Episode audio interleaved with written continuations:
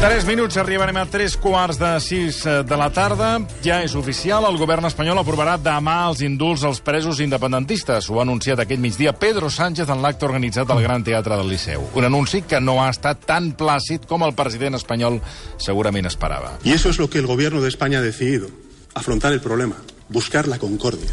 Por eso mañana Pensando en el espíritu constitucional de concordia, propondré al Consejo de Ministros conceder el indulto a los nueve condenados en el juicio del proceso, que hoy están en prisión.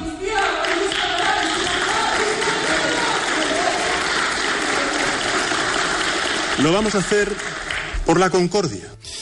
Josep Maria Martí Rigau, molt bona tarda. Bona tarda. Periodista, cronista parlamentari, gràcies per acompanyar-nos. Bé, en teoria, que li espera el resultat de la reunió que aquesta que ara mateix està tenint lloc amb la vicepresidenta primera del govern espanyol, Carmen Calvo, i secretaris i sotssecretaris d'Estat, per veure si tot està al punt, però avui Pedro Sánchez doncs, ja podríem dir que ho ha donat per fet. No sé si ens hem d'esperar el que digui Carmen Calvo o ja els hem, o, o, o ja els hem de donar per fets. En principi, si amb la solemnitat de l'acte del Liceu el president del govern diu que serà demà, ho hem de, hem de donar per fet. Però, atenció, per què es fa aquesta reunió d'avui i per què es fa amb tant de detall amb tots els directors generals, secretaris d'Estat?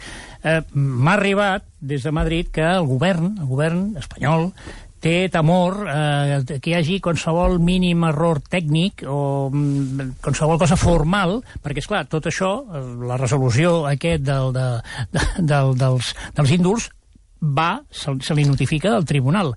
I tenen, hi ha un cert amor, una certa por, que si el Tribunal Suprem, que s'ho mirarà amb lupa, no amb una, no, amb tres, amb tres lupes, eh, troben qualsevol problema formal tal, doncs això podria podríem entrar amb un joc d'això no, això ho tornem, tal, que podria no eliminar-ho, perquè això ja és segur, però sí que podria alentir tot aquest procés. Mm, que ara ho encertarà, Ernesto Kaiser. En principi ha de ser demà, jo em jugaria, jo em jugaria pràcticament tot. Eh? Mm. És, I, és I de quin timing estem parlant perquè quedin en llibertat? Uh, això també és, eh, com si intervé molta gent, el govern 99,9% de possibilitats que ho aprovarà demà. Aleshores, què passa? Perquè una cosa mm, tingui valor eh, jurídic eh, ha d'anar eh, al butlletí oficial de l'Estat, s'ha d'imprimir al butlletí. Un cop, un cop la publicació s'ha de notificar al tribunal, en aquest cas a la sala segona del Tribunal Suprem, que és qui va emetre la sentència eh, quan tenen a bé el tribunal de dir, bé, ja ho hem rebut i sí, val, molt bé, no, no poden dir que no estem d'acord, no s'ho poden carregar perquè repetim una vegada més, un, això que és una mesura de gràcia, l'indult és una mesura de gràcia eh, que és política, no és jurídica, per tant, temes formals sí que s'hi poden ficar, però no en temes de fons. Aleshores, el tribunal corresponent, en aquest cas el Tribunal Suprem, ho ha de notificar, és que això, això és allò de l'administració la, de i Madrid, sap? Ho ha de notificar a institucions penitenciàries. Institucions penitenciàries ho ha de notificar aquí, a, a la presó de Lledoners tot això vol uns dies. Jo crec que... Primer... Per tant, no serà... No, d'un dia per l'altre no. No serà d'un dia per l'altre. No. Serà d'una manera immediata que tinguem el resultat de la... Bueno, de, de, de, de l'indult i surtin a la presó demà mateix. No, no. no, no. Val, això no. tinguem-ho clar, també. No molt, no molt llarg, pot ser una setmana, deu dies, vuit dies, sis dies, depèn, però d'un dia per l'altre no, no, normalment no passa mai. Aquest indult serà, eh, Josep Maria Martí, un indult parcial i reversible. A veure, expliqui'ns eh, primer com ho, mm, sí. què, què vol dir això i després com ho veu vostè. A veure, la majoria, la major, la major part dels indults que, que, que, que es tramiten i que es concedeixen aquí a l'estat espanyol, i l'altre dia ja dèiem que des de la transició són gairebé 18.000, 17.900 i, i pico, vull dir que no és una mesura extraordinària, el que passa és que, esclar, el, el sarau potser, que està portant... Potser hi ha, aquesta... potser hi ha un excés, no?, d'indults. Sí, no, no, sí. Sense posar-me en cada cas, però, clar, és una quantitat... Eh, estra... sí, i... sí, sí, 18.000 amb números rodons, i si sí, ho comparem, sí. no, no, ara no és el cas perquè la pregunta era una altra, però si ho comparem Uh, això del dret comparat és molt, entre juristes, és molt, és molt practicat i és molt revelador. Si ho comparem amb altres països sí. del món occidental... Ho van fer la setmana passada. Ho van fer una altra vegada sí, i, sí. esclar, no hi ha comparació. Espanya supera tothom. Tothom no. Turquia i algun altre país no. I a la, a la, a la, la, la, la gestió de, de l'anterior president dels Estats Units, eh, Donald Trump, aquest també, també. Va, va tenir un boom d'indults. Mm -hmm. A veure, vostè publicava... Eh, no, jo li preguntava sí. sobre eh, indults parcials, parcials i reversibles. A veure, eh, la majoria, la majoria de, dels indults són, són parcials. Si fos eh, un indult total, gaire, semblaria gairebé a, a, a una amnistia perquè és allò que dius, mira, tot, pam, no. En aquí no, aquí eh, els indults els fan eh, d'una manera molt personalitzada. Hem de tenir en compte que cada indult que es fan nou, nou expedients eh, per separat, i és el que està veient ara Carmen Calvo mm. i, els seus, i els seus directors generals i secretaris d'Estat, i que es diu que tenen uns 30 folis cadascun. pensem que cada, cada un dels, dels encausats, dels condemnats en aquest cas, tenen eh, diverses qualificacions jurídiques a les seves penes. Per exemple, alguns estan acusats de malversació, els altres de desobediència, els altres de sedició. Mira, l'exemple més clar és el de Josep Rull, que vaig anar a veure una vegada allà i, i, i m'ho ha detallat. Jo sóc l'únic que sí que ha acusat d'una cosa, com ell com a responsable de, de, de, de, de, de foment, no? de foment en català... Sí, perquè el conseller d'infraestructures... Sí. Infraestructures i planificació territorial, és el que no va autoritzar que un vaixell d'un calat considerable que havia de servir sí. per, pels piolins, per entendre'ns, sí, sí. anés al port de Palamós perquè va dir no, perquè no, no hi cap perquè i a més cap. haurem de treure els, els vaixells eh, de recreu i els dels pescadors i tal, I, i ell té, per exemple només és ell el que està acusat d'impedir la, la policia pogués anar allà tal. li van fabricar un traje mida per, per encausar-lo, evidentment però, o sigui que cadascú té les seves singularitats el conseller d'Interior pues, tenia uns, uns problemes evidentment eh, el, el vicepresident Junqueras uns altres, el d'Exteriors llavors això s'ha de individualitzar i detallar. I ja repeteixo, la majoria, la majoria són eh, així, són mm, el que es diu uns eh, parcials, parcials, perquè si fossin totals seria pràcticament una amnistia i és allò de dir, escolti, a partir de tal dia to tothom fora i... No, no, cadascú té la seva, la seva cosa i llavors, eh, com que no és una amnistia, doncs s'han de, de desgranar, s'han de trossejar. I aleshores això permet eh, que totes les penes de presó, que jo crec que és com, com a cap, jo crec que és el que s'està dient, totes les penes de presó mm, seran les indultades. O sigui, a vostè que li queda 4 anys de presó, doncs miri, l'indult, pam, li cobreix això. L'altre, dos anys i mig, un, tots. I, I no, no quedaran, i aquí està el que és parcial o total, no quedaran a dintre de l'indult a les penes que comportin, per exemple, la inhabilitació, perquè en el fons és el primer moment, això ja ho va dir Soraya de Santa Maria en el seu moment, vamos a descabezar. O sigui, el que els interessa és que tota aquesta mm, promoció de líders polítics de Catalunya que varen posar-se al front el tema de l'any 2017 i els anys anteriors mm, pel tema del procés quedin, mm, quedin anul·lats, anul·lats i no puguin tornar a liderar res. Són aquests nou, són els tres que també es van ser jutjats i no van entrar a la presó, i són part d'aquests 3.000 que encara estan encausats amb diferents graus, que el gran interès de l'Estat és inhabilitar-los. Per tant, parcial, perquè només serà segurament dels temes que comporten presó, o sigui, dels temes de sedició, etc. I, reversible? I, i reversible és que això tam tampoc és tan extraordinari, això. O sigui que si dintre d'un temps determinat eh, tornen a delinquir unes penes superiors a 3 anys de pena, etc., doncs que llavors mm, això revertiria i haurien de complir la pena nova i eh, aquesta que ara els ha estat indultada. En definitiva, també la maniobra és la mateixa. Eh, sobretot l'obsessió perquè, va, que surtin de la presó però que no se'ls acudeixi continuar tenint lideratge polític. A tot això, Martí, el Consell d'Europa està debatent a aquesta hora a Estrasburg la votació d'un informe a favor dels indults, de l'alliberament dels presos i la retirada de les euroordres dels exiliats catalans. A tot això, el Partit Socialista i el Partit Popular s'hi han negat de retirar les euroordres. Um, clar, amb un dels, una de les especulacions que ens fa que es fan és si amb aquesta, és a dir, a partir de la resolució que pugui fer aquest Consell d'Europa, que això encara seria per Espanya, eh, generaria més pressió si aquest Consell d'Europa, eh, en aquest cas, dictamina que s'han de posar en llibertat els presos polítics. Miri, a Madrid, eh, ja des de fa un temps, uns temps no gaire llarg, però des de fa unes setmanes podríem dir, eh, ja comença a córrer una mena de brama entre, entre la, la, la judicatura de que ara, que tot el tema del procés entre la judicatura i, i, el, i, el, i els polítics, també, evidentment. Sí. Eh, ara que el, tot el tema del procés ja s'ha arribat, o sigui, s'ha exaurit tot, la, tot el, els, els terminis i les instàncies on recorre a, a, a Espanya. I ara ja comencen a arribar els expedients a Estrasburg. De moment han arribat el de Cuixart, el de Rull i el de Turull. Arribaran tots Això és una banda, perquè això és la via, la via dels tribunals, el Tribunal de Drets Humans, però també hi ha el Tribunal de Justícia de la Unió Europea de Luxemburg i també hi ha el tema del Consell d'Europa, mm, que s'està ara... mm, Sí, sí, s'està a aquesta hora debatent. treballant. I tot això eh, pinta tot això pinta que anirà malament pel, per la justícia, per la cúpula de la justícia espanyola. I miri, mm, fa 10 dies, eh, a vegades eh, li agrada perquè, perquè porto retalls de diaris, avui no porto un retall, però sí que he escrit perquè m'ho vaig llegir i m'ha cridat l'atenció, un, un comentarista polític de Madrid eh, que es mou a, a la raó en el món de l'ABC, vull dir que mm. de, de, de simpaties independentistes no, no se li coneixen.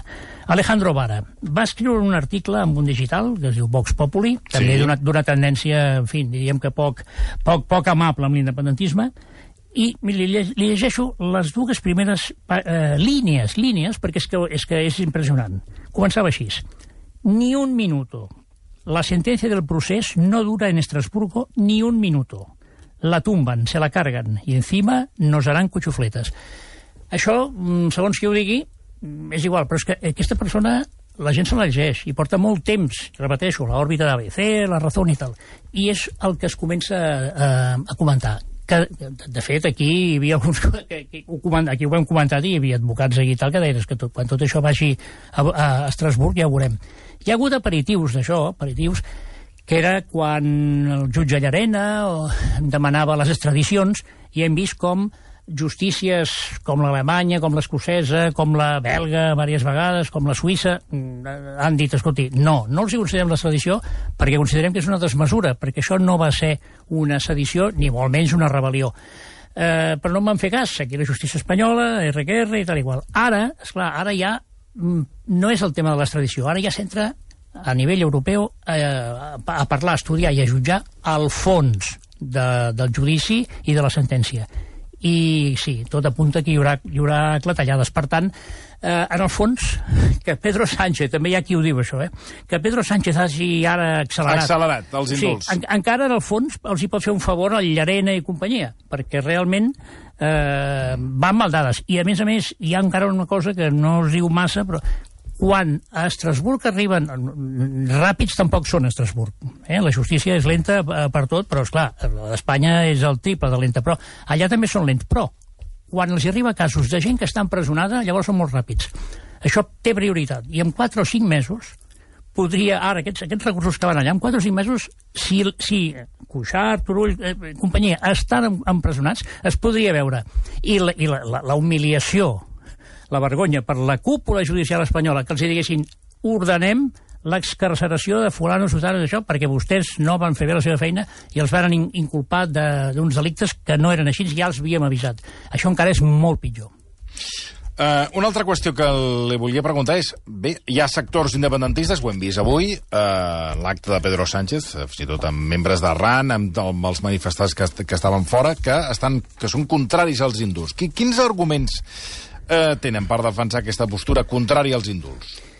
A veure, una mica és... Eh, tinguem en compte que sectors més radicals i el que es diu ara eh, hi- hiper, hiperventilats n'hi ha per tot. N'hi ha a l'extrema dreta i n'hi ha dels sectors independentistes. És indiscutible que, eh, tal com ho està presentant Pedro Sánchez, que jo crec... Diré que d'entrada que jo crec que és absolutament positiu, que hi hagi, només faltaria, és, és molt positiu que hi hagi els indults. El perill, veient el postureig que, que, que hi ha per part del president del govern i la, de propagar l'element propagandístic, etc, el, el, una mica el perill que hi ha, i és el que veuen aquests sectors més radicalitzats de l'independentisme, és que el govern espanyol eh, digui, bé, amb això ja, ja hem fet molt. I com que s'hem fet molt, doncs a partir d'ara s'ha d'anar tot molt més lent, no hem de parlar de temes polítics. Miri, aquest cap de setmana escoltava, per exemple, una, una entrevista a una ministra, a Maroto, el Reis Maroto, Sí? i li van, parlaven de turisme, parlaven d'això, i entremig li van preguntar, escolta, i, bueno, i el tema dels indults va sortir, com surten sempre les alts, els alts funcionaris de Madrid, i dius, "Escolta, és que esto lo lleva el ministro de Justícia, bueno, però esclar, si tu estàs a la taula del Consell de Ministres alguna cosa deus saber. I va dir, al final va dir una cosa que, ostres, em vaig quedar així, no? Diu, hombre, el tema, el tema de autodeterminación y amnistía, esto son ilusiones. Y al final, eh, això serà la porta, los indultos, si se producen, que jo crec que sí, pues serà la porta per poder reunir-se el sector del govern espanyol i el sector del govern català per parlar i a mi em va sonar allò de los temes que interessen a la gent, a parlar de, de, la, de campanyes de vacunació, de la recuperació econòmica, etc. És clar, si ens quedem així i aquests sectors de l'independentisme pensen o temen que pot passar això, diràs, home, sí, vale, se'ls ha tret de la presó aquests nou, encara n'hi ha 3.200 encausats, i si no avancem, jo crec que és, és, és més una cosa de dir, atenció, que això no s'acaba aquí, aquí ara comença un procés. Avui Pedro Sánchez ho ha dit al Liceu, això. Este és el primer passo, bé, ho ha dit. Ara hem de veure els, els propers passos si van en un sentit o un altre. Mm. I com canvia a partir de, dels indults la situació política? Eh, el següent pas, indiscutiblement, el següent pas és la reunió de la... Una, hi, ha una, hi haurà una reunió bilateral mm, entre Pere Aragonès i el, el president del govern espanyol, i Pedro Sánchez, perquè fins ara, tot aquest tema, sí, molts indults i tal, però la, de les últimes, si fem una mica de memòria, mm. dels últims mesos, mm, allò que dius, recordes visualment una reunió bilateral que hi hagi hagut allò de Pedro Sánchez? Sí, amb la senyora Ayuso, Isabel Díaz Ayuso, que va fer aquell, aquell, sí, allò, aquell, que, aquell hi havia, teatre. Hi havia una, era una, una tapisseria, que hi havia, no? Tapisseria de banderes. Sí, hi havia sí, més, sí. més, més, ta, més tapís que una altra cosa. Ah, exacte. I, realment era allò com, com una visita Sí, sí, sí. sí. de l'estat entre el Putin i el, i el sí, Biden. sí, sí. Eh, se li va donar un caràcter abs eh, absolut, eh? visualment era extraordinari. Doncs bé, la, la propera reunió ha de ser així, una reunió bilateral, però de veritat, de veritat bilateral, no com allò, bé, és una de les, com havia dit el mateix Pedro Sánchez fa, fa un any o dos, bueno, és que ja, ja ens reunim a les, els 17 pre presidents de les comunitats autònomes més els alcaldes presidents de Ciutat i Melilla. No, això no, no, és, no és això. O sigui, el primer hi ha d'haver aquesta reunió. I després, la taula de diàleg, la mesa de diàleg, que inclús alguns dels participants, eh, que part del govern, la part de Junts per Catalunya, és més escèptica i diu, a lo millor no, no donarà massa de sí, i la part d'Esquerra Republicana, eh, bé, vol capitalitzar. O sigui que ho hem de veure. Políticament això va bé perquè de- desinflama, vulguis que no desinflama, tenir, eh, és difícil negociar res tenint gent a la presó i a sobre tens gent a la presó quan s'ha aplicat eh, un codi penal amb, amb figures que sí que estan al codi penal però que ja, tota Europa ha dit escolti, que això no és sedició ni és rebel·lió en conseqüència, en aquest sentit és positiu crec que és positiu i crec que ara Pedro Sánchez ha de continuar perquè ja s'ha ficat en, en, en un camí que no, ara no, no pot regular. Per tant, la següent reunió d'alt nivell, però d'alt nivell de veritat entre Pedro Sánchez i, i el president Pere Aragonès i les, a continuació el cap d'una... i tot això ho hem de veure abans de, del, del 15 de juliol eh? i la següent és la reunió de la taula de diàleg.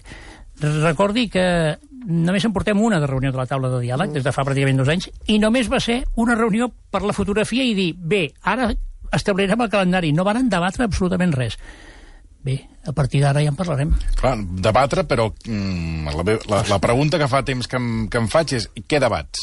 Simplement la part catalana vol debatre de la- l'amnistia. Això jo gairebé, ja m'encantaria, eh? perquè realment hi ha molta gent amb molts problemes i derivats del, del tema del, del procés i de l'1 d'octubre i seria perfecte, però jo això bueno, ho veig molt difícil, ho veig molt difícil. Um, S'ha de debatre també de la- de l'autogovern, bueno, l'autogovern, l'autodeterminació, un, un referèndum d'independència ara aquí, eh, autoritzat i pactat amb l'Estat, es, veu molt, molt llunyà i molt complicat. Però sí, eh, el que vol oferir l'Estat, que, que sembla que és el que vol oferir, un nou sistema de finançament, a dir, posar el comptador al 2006-2007, quan, el, quan, el que demanava en Maragall. Això, és clar, per molts sectors de l'independentisme això és poca cosa. De totes maneres, s'ha desvirtuat tot tant, inclús aquell text, que bé, com a punt de partida no estaria malament. És una mica Iceta, és, és la idea de l'Iceta des de fa molt temps. O sigui que ara realment Iceta està a Madrid i jo veig que està influint molt en el Pedro Sánchez. A partir d'aquí, eh, uns volen... Hi, hi ha algun detallet, hi ha algun detallet que veus que ara hi ha algun gest en aquest sentit que a mi em sembla revelador. Miri, mo- molt breument li, li, li diré els dos. I veurà, a, a mi m'ha cridat molt l'atenció. AENA està insistint per l'ampliació de l'aeroport com mai a la vida, mai a la, de l'aeroport, de l'ampliació de l'aeroport de Barcelona, això és un, és un tema cíclic i recurrent. No, perquè ara no, AENA no, tal... pom- Ara és AENA la que té pressa i la que està. Després ja veurem com queda el tema de la, la Ricarda i tot això. Però eh, eh, no havia passat mai, això sempre al revés. És Bueno. sospitós, per això és sospitós. Clar, que és sospitós. I l'altre, que ara no, se- no se'n parla encara gaire, però abans que comencin els Jocs Olímpics de Tòquio se'n parlarà, perquè el Consejo Superior de Deportes està, està empenyent, és el tema de la candidatura, la possible candidatura olímpica de Barcelona-Pirineus per l'any 2030 eh, s'ha de presentar un informe, ara no, ja no és aquell sorteig que hi havia abans, que es presentaven, semblava, una, semblava el, el mobile olímpic, allò tot d'estants, propagandes... No, no, no. Ara presentes el dossier i gairebé, si el presentes i està bé i concorden les dates, ho tens. Doncs ara és el Consejo i és Madrid qui està apretant a Barcelona, Barcelona i als Pirineus, per, escolta, feu i tal i qual. Realment, mm, no se'n parla gaire, però ja veurà com en qüestió de 15 dies se'n parlarà d'aquest tema. I realment, si recordem la transformació de Barcelona i de l'entorn de Barcelona i de part de Catalunya amb els Jocs Olímpics del 92, dius, home, si hi ves un... No hi... eh, I aquí hi ha molts diners de l'Estat compromesos, clar, quan hi ha un tema olímpic. El mateix aplicat a tota la part mm, muntanyosa de part d'Aragó, que també farien algun tema, i el Pirineu català i les infraestructures, el famós tren de Puigcerdà, que, que està més, més aturat que en circulació. I ara és, la- és el govern central qui diu no, no, escolta, però per què no preparem el dossier que aniria bé per presentar-lo al Comitè Olímpic Internacional abans dels Jocs de Tòquio? Veus aquests dos detalls, per exemple, i deu, haver- deu haver-n'hi més, jo, jo m'he fixat en aquests dos. I dius, home, doncs ja veus el, el govern eh, espanyol t'està dient, va, aprofitem d'això que així us podrem donar diners. Perquè ho han de fer d'una manera també eh, acurada. Camuflada. Clar, no, no sé si... Dissimulada, d'una manera dissimulada. Perquè els hi surten els barons territorials de, de, de, del PSOE. Això ja va del passar amb els Jocs Olímpics del 92, que Exacte. després eh, ho van haver de... de Van haver de fer l'Expo. La Expo, la Expo de Sevilla, per no generar... I Madrid Cultural. Recordo senyor. que Madrid també va ser aquell any Madrid Sí, Cultural, o sigui, de Madrid, Barcelona i Sevilla. El per any- tenir No fos cas. El año de los fastos. L'estat, exacte. Los fastos. la- Sí, sí. L'estat per tenir-lo tranquil. Josep Maria Martí Rigau, avui ho deixem aquí. Uh, del Tribunal de Comptes en parlarem properament. Que, Sí, que hi ha molt que parlar. Sí, i a més, uh, en fi, les dates encara van acostant mica a mica, però encara no, no han arribat del tot. Uh, vull dir, les dates on han de compareixer, en fi, tots els que ara mateix són represaliats per, per aquest tribunal. Gràcies, Josep Maria. Demà estarem al cas dels indults, Molt bé. què és el que passa finalment. Les 6 i 4 minuts.